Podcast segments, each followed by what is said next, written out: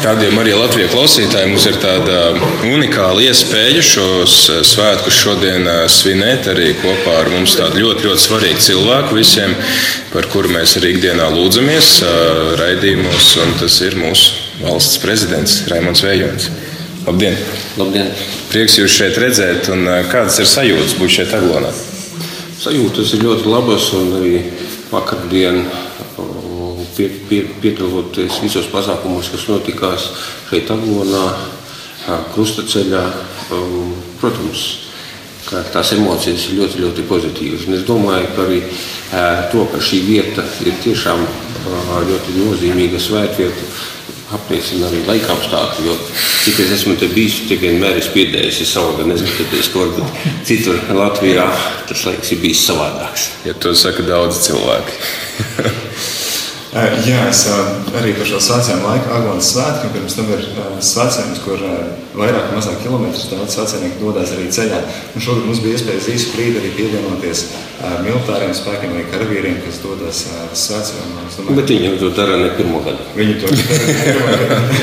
Bet mēs pirmo gadu viņiem pievienojāmies, un tad arī kungiem jautāja, kā viņiem šķiet, vai aizsargāt valsti, aizsargāt tēvzemi, vai to esam spējīgi izdarīt saviem spēkiem, un, vai arī tomēr kāda palīdzība no, augš, no augšas nepieciešama. Tad arī teica to, ka ir nepieciešama Dieva palīdzība un saviem spēkiem mēs netikam galā. Bija arī prieks dzirdēt, kā jums ir šī sajūta pašam ar, ar savu pienākumu pildīšanu. Nu, Pirmkārt, protams, runājot par karavīriem, protams, ka mēs esam gatavi aizsargāt savu valsti Pirmkārt, jau mūsu nacionālajie bruņotie spēki sadarbībā ar mūsu partneriem no NATO, bet te pašā laikā neapšaubām, ka arī nepieciešama šī palīdzība no augšas, lai, lai mūsos vienmēr būtu šī pārliecība par to, ko mēs darām. Lai mēs būtu arī nu, gatavi, ja nepieciešams, ziedot savas dzīvības, lai aizstāvētu Latviju. Nu, līdzīgi arī, manuprāt, ir prezidentam, domājot, ir jābūt gatavam dažādām, dažādām situācijām, un kas var būt sarežģīt dzīvi ir tas, ka varbūt, cilvēki brīžiem gaida no prezidenta pārāk daudz, ko viņš nevar vispār izdarīt. Un tā ir tā lielākā problēma, jo cilvēks varbūt zināmā mērā viļās, ka prezidents to nevar izdarīt, bet nu, tā, tāda mums tāda mums sistēma valstī ir un ne visu var prezidents izdarīt. Tāpēc, protams, mums neskatoties ne uz ko, tomēr ir jātic, jātic labajam, jātic saviem spēkiem arī. Un, protams, tikai kopā darot, mēs varam kaut ko izdarīt. Jā, tiešām tā ir, ka cilvēkiem ir kaut kas noies čarsām, tad uzreiz pie prezidenta. Nu, tā, tādiem, tādiem gan brīžiem ir. Jā, Kā tas ir vispār būt prezidentam? Tas, protams, būtiski maina ikdienas, ikdienas dzīvi, jo Tik... Nevar vairs mierīgi aiziet uz veikalu, jā, laikam. nav jau, nav jau gluži tik traki. Nav jau tik traki, bet, protams, ka uh, prezidenta pirmkārt ir daudz uh, dažādu darba pienākumu, saspringta darba kārtība. Un arī bieži vien nav ne sestdiena, ne svētdiena. Mm. Bet uh, otra puse, protams, ir, ka viņš pastāvīgi atrodas publiskā, kā teikt, publiski. Jā, un, Un, attiecīgi, nu, tev vienmēr jābūt pilnīgi labā formā. Tu, tu, tur nevar, nevar būt tā, kā teiksim, citreiz mums dzīvē gribās. Tā ļoti vienkārši. Jā, teiksim, tā kā jūs, tā kā jūs pie manis šodien šortos. Jā.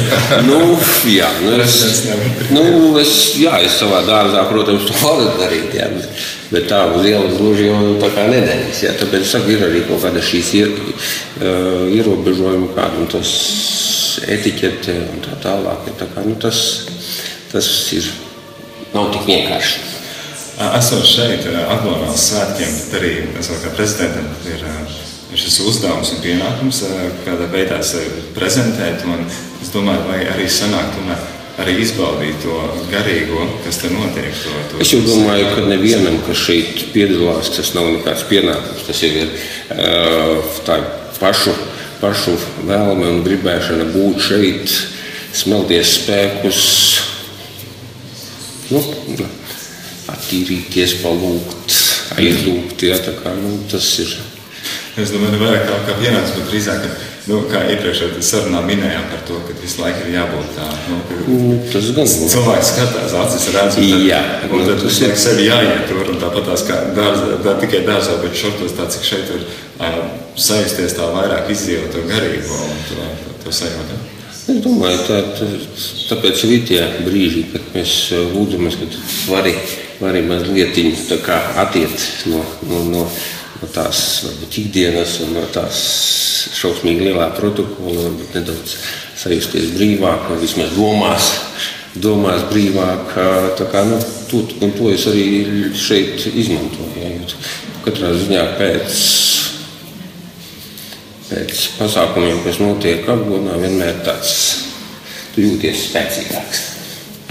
Prieks dzirdēt. Un, uh, mēs arī varam noteikti teikt visu klausītāju vārdā, ka Mums nu, rādījumā arī ir tāda, tāda regulāra lūkšana, tāda programma, tāds ritms un dažādi raidījumi. Un jāsaka, ļoti bieži, ļoti bieži arī lūkšanās tiek pieminēta mūsu valdība, mūsu prezidents. Arī īpaši tajā laikā, kad jums tā veselība bija mazliet sašķelta, nu, cilvēki tiešām arī zvanīja un lūdzās. Kā, to lūkšanu, kas bija pagājušā gadā. Un eh, mums ir arī liels prieks par jums. Mēs arī apsolam, ka mēs turpināsim lūgties par jums, lai jūs varat to savu amatu veikt. Un, un, un, un, protams, varbūt izmantot iespēju teikt, ka arī uh, nesen esot Vatikānā pie, pie pāvesta ziņu vēlreiz aicināju, teikt, uzaicināju apmeklēt Latviju. Ļoti ceru, ka nākamajā gadā varbūt arī viņš būs. Ja? Tā kā, nu, es domāju, mēs visi ceram. Mēs visi ceram, jā. Jā, varbūt sanas beigās vēl gribēju uzdot tādu jautājumu.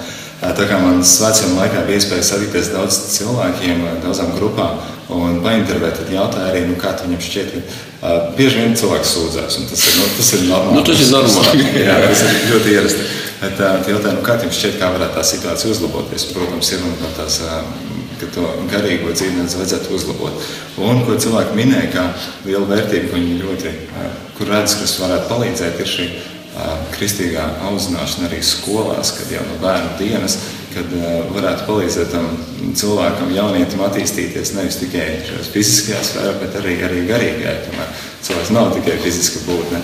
Ja kā jums šķiet, vai tas būtu arī iespējams, kā, kā, tāda, kā tāda iespēja, kas varētu arī nu, valstiskā mērogā arī pacelt to tādu pašsajūta tāda? Nu, tas neapšaubām, jā, ka mēs varbūt tajā savā ikdienas straujā skrējumā mazliet esam attālinājušies no veselas virkne vērtību, jā, tā skaitā no garīgajām vērtībām. Un, un, protams, ka vēlreiz to visu tā iekustināt, protams, baznī, baznīcas un Un, un ticība var dot šo iespēju teiksim, atgriezties pie šī, šī, šī garīg, garīguma. Tas, protams, ka sekmētu to, ka mums daudz kas varbūt iet labāk, un mēs mazāk sūdzētos. Bet ja pašā laikā, protams, ir arī praktiskās lietas, kas valstī ir jādara. Jā, gan praktiskie darbi, kas valdībai jāizdara, kas parlamentam, kas prezidentam jāizdara. Kā, nu, un katram mums, jā, un galvenais jau nevajag aizmirst. Nekad nevajag nodalīt sevi no valsts, jo, jo nu, mēs katrs ar kaut kādu mazu darbiņu, bet veidojam Latviju. Un tas, manuprāt, ir mums visiem jāatcerās. Jā, un nevis teiksim, tur brīžiem sūkstēties, ka ir sliktāk iet vai kā, bet nu, vismaz izdarīt to, ko tu vari izdarīt kaut vai savā ģimenē, savā ciemā, savā pagalmā. Un tas jau būs, manuprāt, ļoti daudz arī brīžiem.